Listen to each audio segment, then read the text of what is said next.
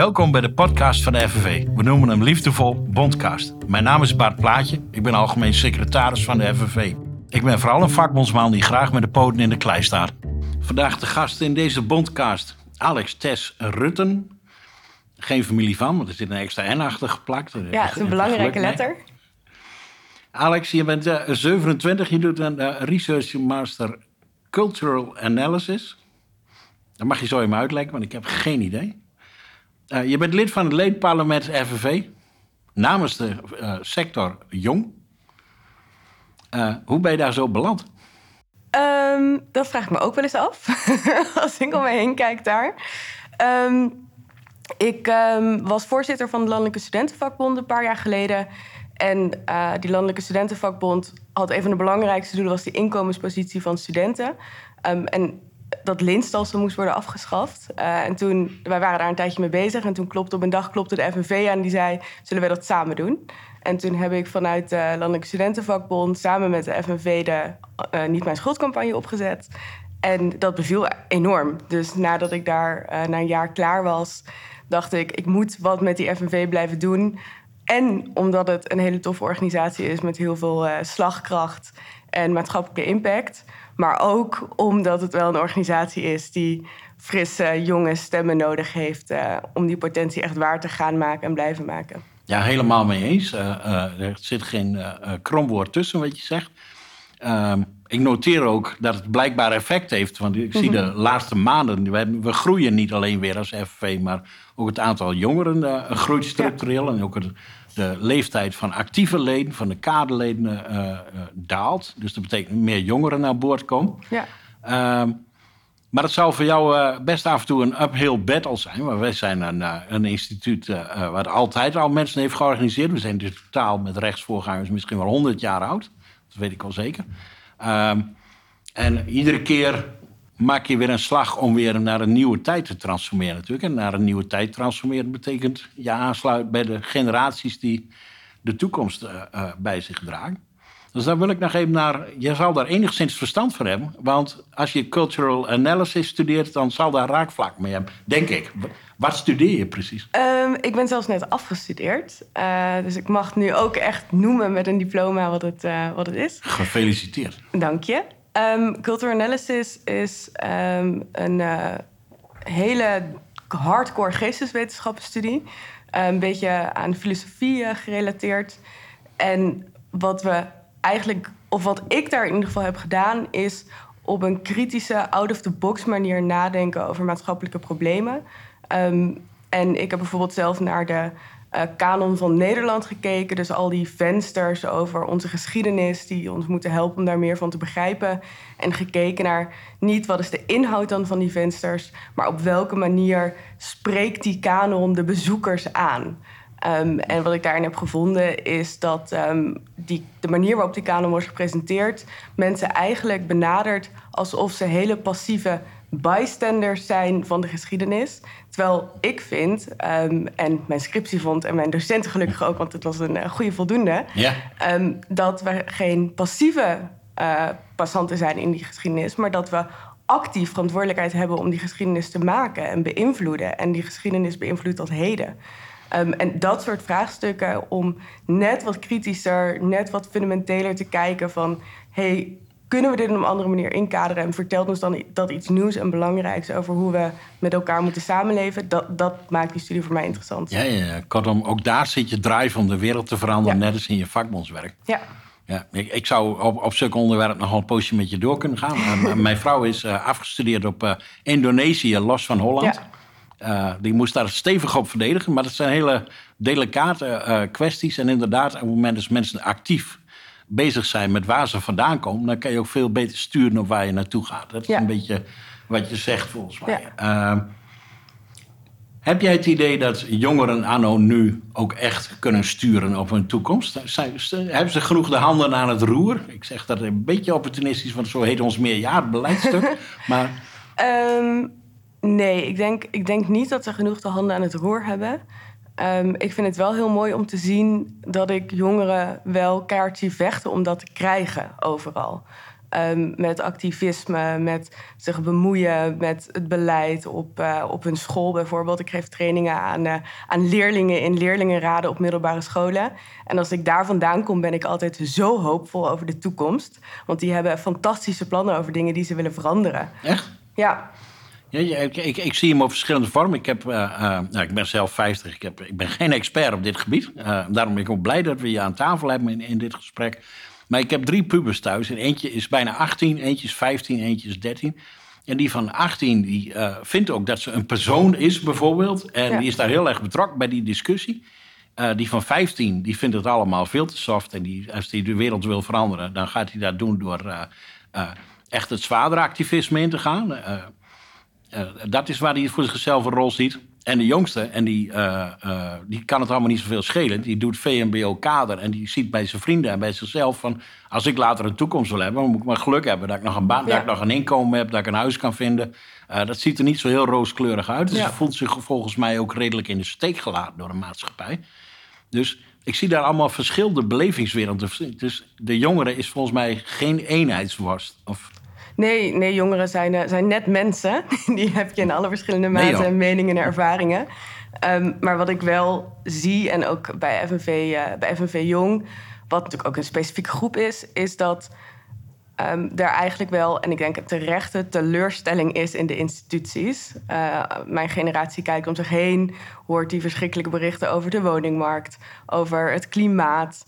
Um, de arbeidsmarkt is, uh, is, trekt nu een beetje aan, maar burn-out is uh, beroepsziekte nummer één. Ja, dat ja. is weinig om naar uit te kijken. En de mensen die uh, de afgelopen jaren in charge waren, die hebben het niet zo lekker op de rit.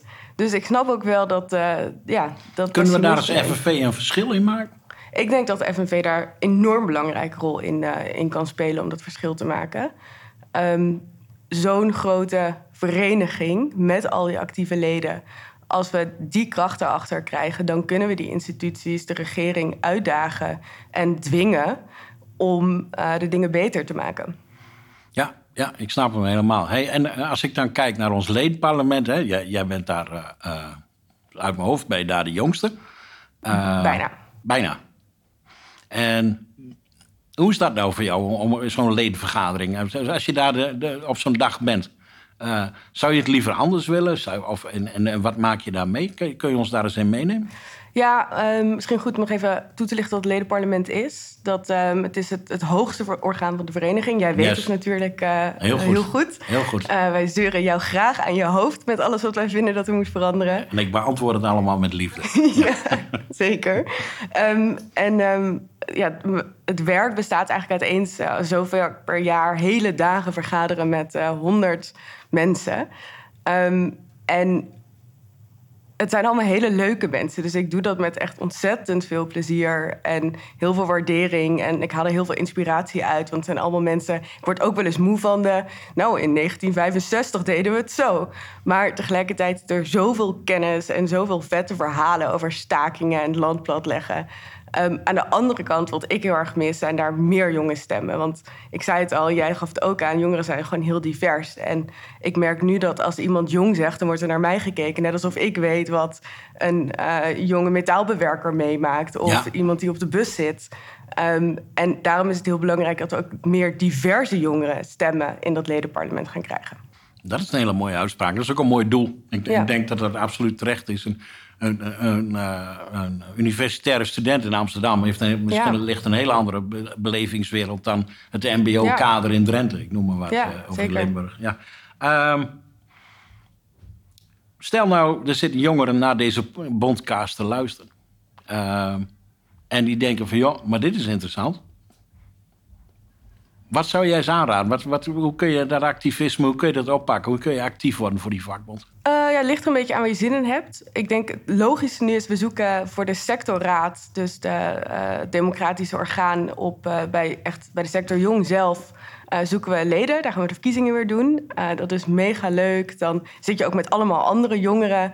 Um, dat is de plek waar ik heen ga als ik uh, de hele dag met die oude mannen heb gepraat... om snode plannen te maken over hoe we de rest van de bond kunnen verjongen. Ja. Dus daar zoeken we leden. Maar ik was laatst ook bij het lokale vakbondshuis in Utrecht...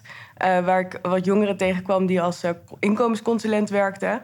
Um, en ook die waren super enthousiast. Dus er zijn eigenlijk heel veel plekken waar je iets kunt gaan doen. Of dichtbij, of hier in Utrecht in de wat meer centralere takken. Ja. Ja, dat is, dat is een goede. Ik, ik had uh, uh, daar laatst een gesprek over met een aantal vriendjes van mijn zoon. een, leuk zijstapje. Mijn zoon die, die, die weet wat de FV is, want die weet wat zijn vader voor, zijn, voor het werk doet. Dat ik in het hoofdbestuur zit. En laatst hoor ik de deur dichtvallen en ik kreeg een appje. Ik ga even naar mijn vrienden in Emmen. Ik, ben, ik pak die bus en ik ben zo laat weer thuis. ik denk, hier gaan we even op wachten. Een kwartier later. Ik hoor de deur weer dichtvallen. De bus staakt, pap. ik kreeg enigszins een giftige blik. Maar dan begrijpt hij het ook wel weer.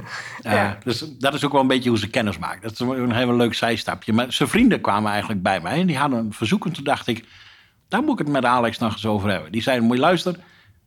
Wij kunnen nergens naartoe in onze vrije tijd. Die, die mhm. hangen met 15, 16-jarigen ergens in een winkelcentrum. Ja. En uh, toch maar even vroeger. Uh, toen ik jong was, begin jaren 90, had je jeugdsozen. En als de jeugdsoos er niet was, dan kon je in ieder geval nog naar de kroeg als je een paar centjes bij elkaar gewerkt had. Nu kan je de kroeg niet meer in als je 16 bent. En de jeugdsoos is er ook niet meer. Dus ze hangen in het winkelcentrum. Ja. Uh, en dat vind ik dan als, als ouder ook nog wel link. Want nou ja, je zit nog eens binnen bereik van allerlei drugsdealers en weet ik veel wat. Uh, dat is in middelgrote plaatsen is dat al een, een bedreiging uh, die ik zie. En misschien ervaar ik hem hoor, omdat ik paranoia word als je kinderen hebt.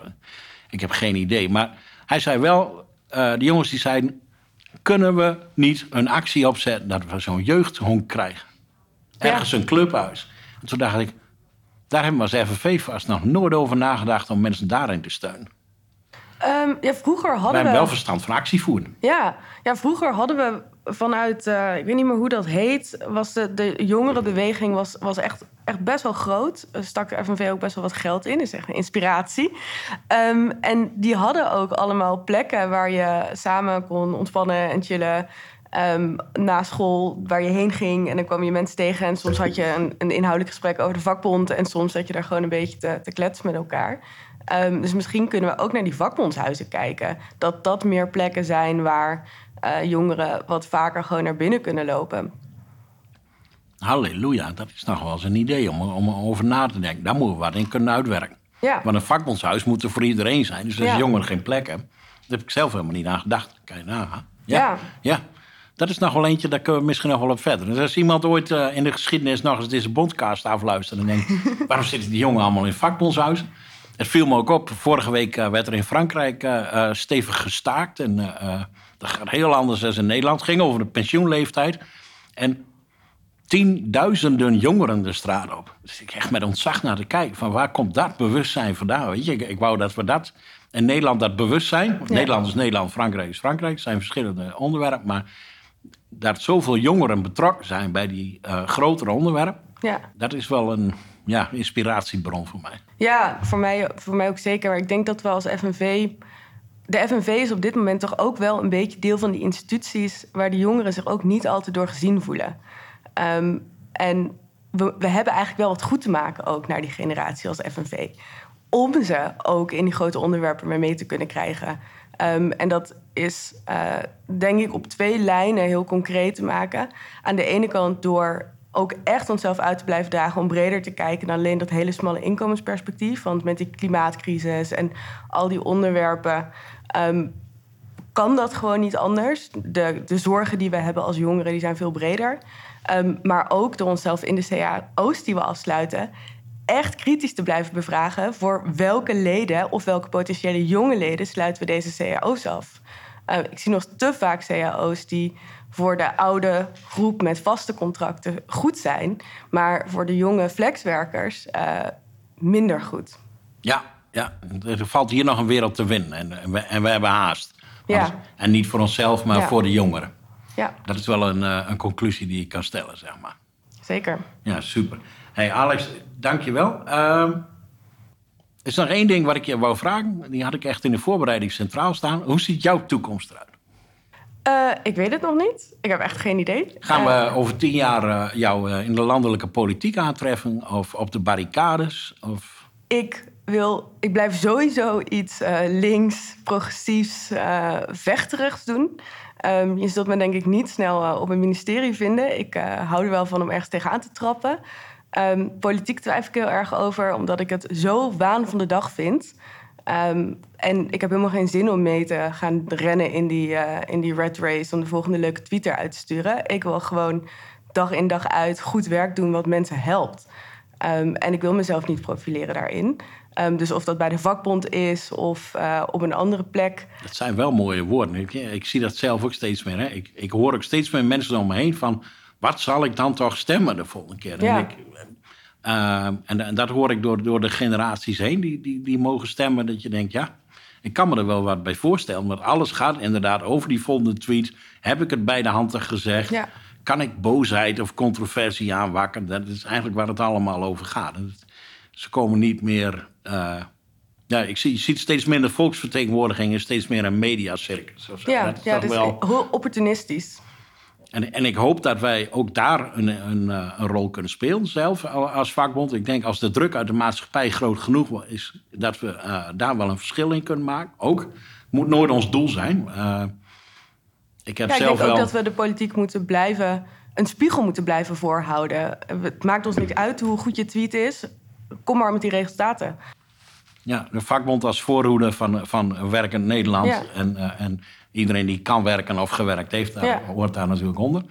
Uh, dat denk ik zelf ook. Ik, ik, heb zelf, als ik moest kiezen tussen, goh, uh, wat voor verschil zou je in de politiek kunnen maken? Of, of, of het werk wat ik nou doe en, en alle uh, werk wat ik voor de bond heb gedaan, zou ik altijd voor de vakbond kiezen. Ik denk dat die altijd voorop moet staan, omdat je daar een beweging bent die onafhankelijk is, die, die van ja. mensen zelf is. Ja. Dat is ook het mooie aan ons ledenparlement.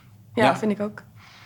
Nou, we zijn het uh, aardig eens. Twee verschillende generaties. Dus ik ben je dankbaar. Graag gedaan. En we gaan hiermee aan de bak. Ik heb een paar mooie nieuwe inzichten Mooi. opgedaan. Tot de volgende Goed, keer. Dankjewel. Bedankt voor het luisteren naar de FNV-podcast. Wil je weten hoe het ervoor staat met jouw CEO? Op onze website staan vrijwel alle CEO's van Nederland. Ga naar www.fnv.nl en zoek jouw CEO of bedrijf voor het laatste nieuws. Tot de volgende keer.